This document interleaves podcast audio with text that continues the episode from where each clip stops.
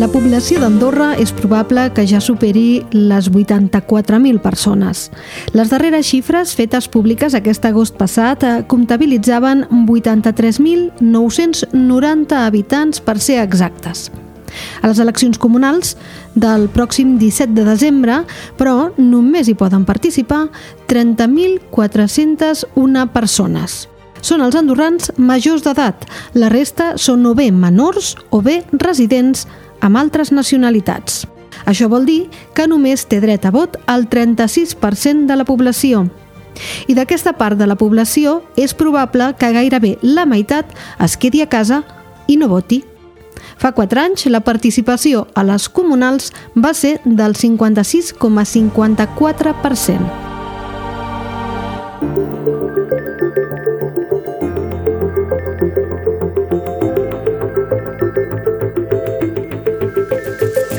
Hola, sóc Esther Pons, això és l'Altaveu a fons i aquesta setmana que estem en plena campanya electoral ens preguntem a qui li interessen aquestes eleccions? He sortit al carrer, he parlat amb la gent i aquestes són les respostes que n'he obtingut. No tinc dret a vot, però visc així, soc resident. I saps que aviat hi ha unes eleccions? Eh, sí, el 17 de diciembre, no? Uh, saps alguna cosa més? T'interessa d'alguna manera o el fet de no votar? Doncs?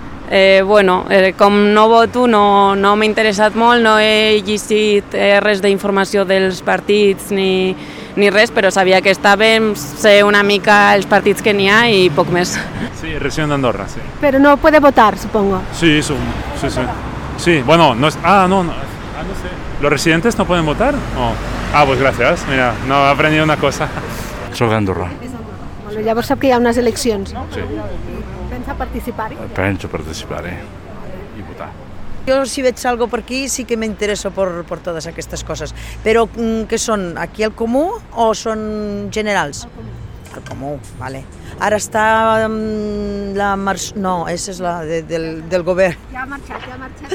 Exacto, és que abans era l'alcaldessa, la, no? Sí, la Marsó. Sí. Vale, perquè jo ja te dic, jo ara porto un any que estic aquí amunt i a baix arreglant les coses perquè ja l'any que ve ja me jubilo, doncs tinc mig pensió a Espanya i mig pensió a Andorra. Ja. Però he estat 20 anys aquí cotitzant. Molt bé. I, I doncs ja està. Però bueno, quan surta sí que me, m'interessaré. No podré votar de moment, però bueno, m'ho miraré. Sí, puc votar. Sap que hi ha unes eleccions. Exacte, sé que hi ha unes eleccions. I qui es presenta? Eh, havia... A la seva parròquia, eh? Jo, és a dir, jo voto a Andorra la Vella, sí, sé que hi ha dos llistes, hi ha els, els de DA i hi ha els de, eh, ara me'n recordo com es diu, perquè és el PS més els de Concòrdia, eh, però no me'n recordo el, el nom. En clar. En clar, doncs pues això, en clar, sí. Sí, sí que tindré de vot, però, però, però no em demaneu gaire de les eleccions perquè no estic gaire posada, eh? No Vull dir, no gaire, no gaire. És un tema que no... Bueno, irresponsable de part meva potser sí, però no, no per- m'interessa. molt. Perquè són les comunals o... Qualsevol, és igual. No perquè siguin comunals, eh? No, no. Soc resident. Eh, sap que hi ha unes eleccions? Eh, ni idea. És que he estat, eh, no he estat gaire posada amb Andorra, la veritat. Resident, però com que... No, no, vull dir que sí, que treballo molt i visc aquí, però que no, no, no me n'havien... ah, O sigui, ara n'hi haurà unes de noves. O sigui, no, havia sabut les de l'abril, però aquestes noves no. El 17. Ah, pues no. He oído algo, mas no estoy eh, mucho a par porque como estoy aquí residente, mm, el trabajo en casa no paso más. Y si pudiera votar o le dejaran votar, ¿se interesaría más? O... Mira, en este momento te digo la verdad, estoy pensando en marcharme del país. Como está ficando el tema del país, me estoy pensando en marchar. Lo siento. Es lo que hay. Digo la verdad que no vale la pena decir otras cosas.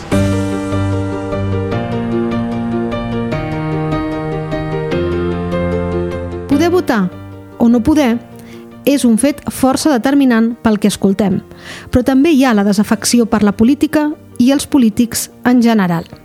A Andorra només es pot votar si es té la nacionalitat andorrana, ja sigui a les eleccions generals o a les comunals. Als països de la Unió Europea, els residents estrangers nacionals d'un país membre de la Unió poden votar a les eleccions municipals i a les del Parlament Europeu. A Espanya, els estrangers de països tercers, és a dir, de fora de la Unió Europea, que hagin signat un conveni de reciprocitat, poden votar a les municipals, però no poden ser candidats. També hi ha altres requisits, com tenir un mínim de 5 anys de residència legal a Espanya, ser major de 18 anys i haver fet els tràmits administratius per demanar poder votar. A Andorra no hi ha cap mecanisme ni excepció que permeti votar a un resident no nacional. La motivació per no estudiar algun canvi per a les eleccions comunals és que no es pot comparar una administració local de França o Espanya amb un comú.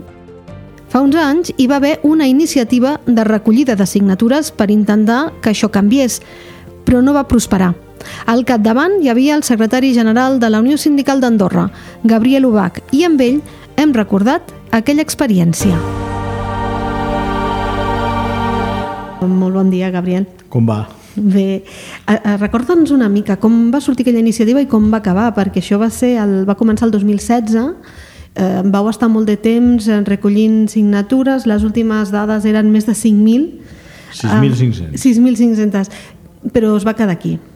Nosaltres vam recollir 6.500 eh, signatures, totes a mà, vull dir, llavors no existia la signatura digital, va ser persona per persona, i d'aquestes 6.500 mm, recordo així que era un 80% eren de ciutadans andorrans, amb passaport andorrà eh, de tota aquesta gent que tenien els passaports andorrà, 80% llarg mm, es van decidir a dir que estaven d'acord en que la gent que portés més de 20 anys aquí, a, o sigui, més de 10 anys, perdó, no 20 anys, més de 10 anys aquí al país que poguessin votar a les comunals.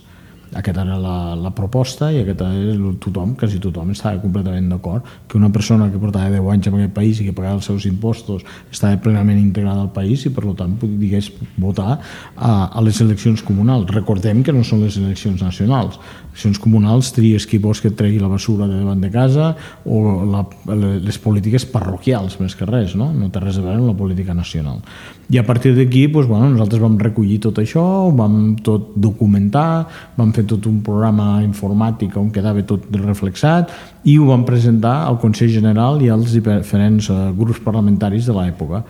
La nostra sorpresa és que aquesta proposta va quedar tota en un calaix i mai més en va saber res més. Què us va portar en aquell moment a, a tirar endavant la iniciativa i sortir al carrer i, i demanar suports per un, una qüestió que evidentment que continueu pensant, imagino, avui en dia que és necessari, no? però en aquell moment que us va impulsar a fer-ho? Bueno, nosaltres el que pensàvem és que Andorra estava creixent exponencialment, llavors ja estàvem a Andorra quasi dels 60.000, i llavors nosaltres pensàvem que bueno, això continuaria creixent, Andorra continuaria creixent i que calia una participació de la població amb, amb, amb, amb problemes eh, més eh, a nivell parroquials, no?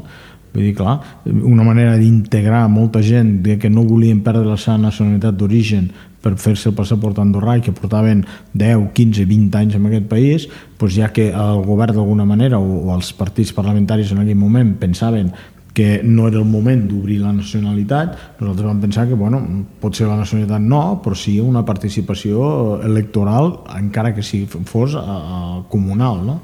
I nosaltres vam pensar que una bona, una bona eina era fer una consulta popular a la gent amb signatura, amb número de passaport i tot, no? identificant-se les persones que estaven d'acord i les que no. I per això ho vam fer i ens va portar, recordo, quasi sis mesos de recollida de signatures passant botiga per botiga tot el centre comercial, tot el que era Vivant, que llavors era quan començava a fer-se Vivant, començava a funcionar Vivant i nosaltres vam repassar botiga per botiga tota l'Avinguda Meritxell, Avinguda Carlemany inclús a, a tots els carrers que fan cantonada amb aquestes avingudes. No sé si també a la Fira d'Andorra la Vella veu tenir també una parada. estant, sí, sí, sí, també hi vam estar-hi treballant i vull dir, la resposta va ser, era, sempre era molt cordial i molt, hi havia molt poca gent, sincerament, que ens digués que no estaven d'acord. I els que deien que no estaven d'acord, aquests uh, 15%, no crec que penso que no arribava ni al 15% de, del gruix d'aquestes 6.500 signatures que diuen que no estaven d'acord, era perquè diuen que, clar, no hi havia una reciprocitat en els països d'origen, no? I jo pensava, bueno, però és que és normal. Eh, Estem parlant d'eleccions comunals, no d'eleccions nacionals, que no té res a veure. Clar, llavors eh, mm, sí que és cert, però, que les locals, la, a molts països d'Europa, amb les eleccions locals sí que poden participar la gent eh, resident no, no nacional sense passaport. En el moment que se'ls demana a la gent a fer un, es, un esforç impositiu, en el moment que se'ls cobre uns impostos, que abans no existia, hauria de ser així. Per mi, tothom que paga i que contribueix a les arques de l'Estat i a les arques comunals han de poder, i, i vaig més enllà, eh? no solament les arques comunals, sinó les arques de l'Estat, han, han de poder dir el que pensen. Ja sé que ara hi ha moltes altres eh, preocupacions a la societat eh, que, que fan doncs, que siguin prioritàries i, i que aquesta quedi una mica enrere, però creieu que caldria insistir eh, en, en aquesta qüestió? Jo crec que avui en dia eh, molta gent que inclús tenen el passaport andorrà o que són andorrans de, de, de, de, tota la vida ja s'estan plantejant realment si val la pena ser andorrà, perquè abans ser andorrà era un privilegi. Però és que han fet un país tan car i tan, tan dispar que si no és una persona que ve a defensar uns interessos concrets, parlo a nivell econòmic, pues difícilment surt a compte avui en dia un treballador normal i corrent de que sigui interessat a ser andorrà perquè avui en dia les condicions eh, laborals i socials que puguis tindre França o Espanya, abans era només a França, França sempre ens havia passat el mapa de cara, però ara actualment ja Espanya sense, sense està equiparant, inclús ens està passant endavant. Parlem de les 14 pagues, parlem de dret d'atur si quedes sense feina de dos anys, parlem d'ajudes, parlem de tota una sèrie de, de conceptes que aquí en aquest país no tenim. Per tant, no us plantegeu repetir una iniciativa com aquella del 2016? Jo penso que ja es va fer una vegada, no se'ns va fer ni cas, jo penso que ara són els partits polítics que haurien de prendre la iniciativa, és que això és com el sistema electoral, no? que parlem moltes vegades, no?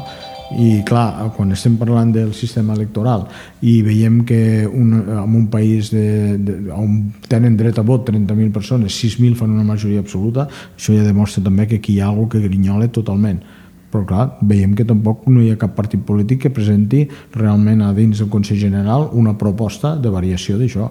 No és normal que parròquies com Canillo o Ordino, que tenen 2.500 a 3.000 electors, tinguin la mateixa força o els mateixos resultats que Andorra o Escaldes que en tenen 12.000. Això és el que no és normal, per mi, eh? Però bueno, mm, diuen que el territori o les vaques han de tindre el seu pes, però aquí resulta que la vaca pesa el seu, eh? Gabriel Ubach, moltíssimes gràcies per haver-nos recordat aquella iniciativa de fa set anys. Bueno, esperar que tot això canvi, que Andorra vagi cap a una, realment cap a una democràcia real i que eh, les polítiques participatives a poc a poc es vagin instaurant en aquest país. Fins la propera, Gavi. I doncs, a qui interessen les eleccions comunals? Ho sabrem aviat, quan tinguem les xifres de participació d'aquests comicis, el pròxim 17 de desembre.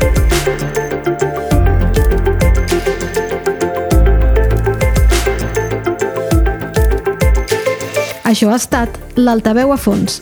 Aquest episodi ha anat a càrrec de qui us parla, Esther Pons. La setmana vinent tornem amb més històries.